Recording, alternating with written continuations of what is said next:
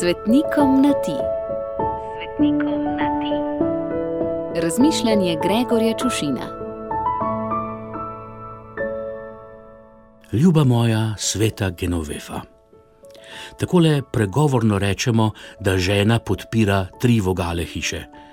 Skupno izjavo o tem, če ta podatek tudi v resnici drži, pa možje in žene ne le pregovorno, temveč bolj pogovorno, nad vse praktično, v visokih frekvencah in precej na glas, usklajujemo že precej časa, vendar dokončna odločitev še ni padla in sklep o tem še ni podan.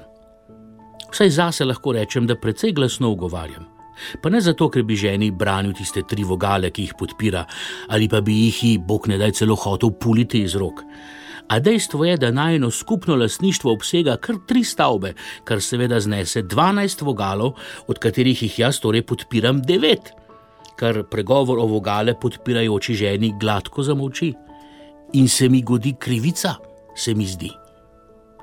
A kaj imajo zakonski prepiri in vogali opraviti s tabo?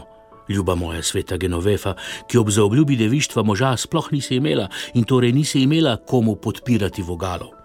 To je dejstvo.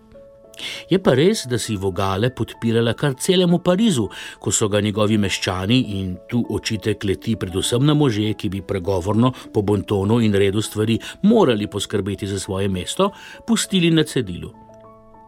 V petem stoletju, ko je v Francijo vdrl hunski kralj Atila, so se Parižani razbežali, saj so upravičeno domnevali, da se bo ponovil scenarij izpred dobrega tedna, ko je poganski grozovitež, če gre seveda verjeti legendi, tam nekje v okolici Kölna na seznam svetnikov in na oni svet pomagal priti sveti Uršuli in njenim vsaj enajstim, če ne enajst tisočim družicam.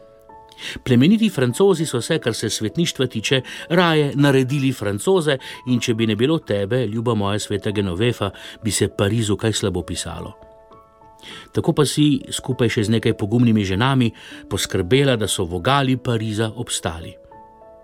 Atila, ki se vajen šotorov na vogale res nekaj pride spoznal, se je tako podprtemu mestu raje izognil, ti pa si postala narodna junakinja kasneje pa zaradi svojega nadvse zglednega življenja, skrbi za bolne, uboge in odrinjene, ter zaradi številnih čudežev, ki so se godili na tvojo prošnjo, še svetnica.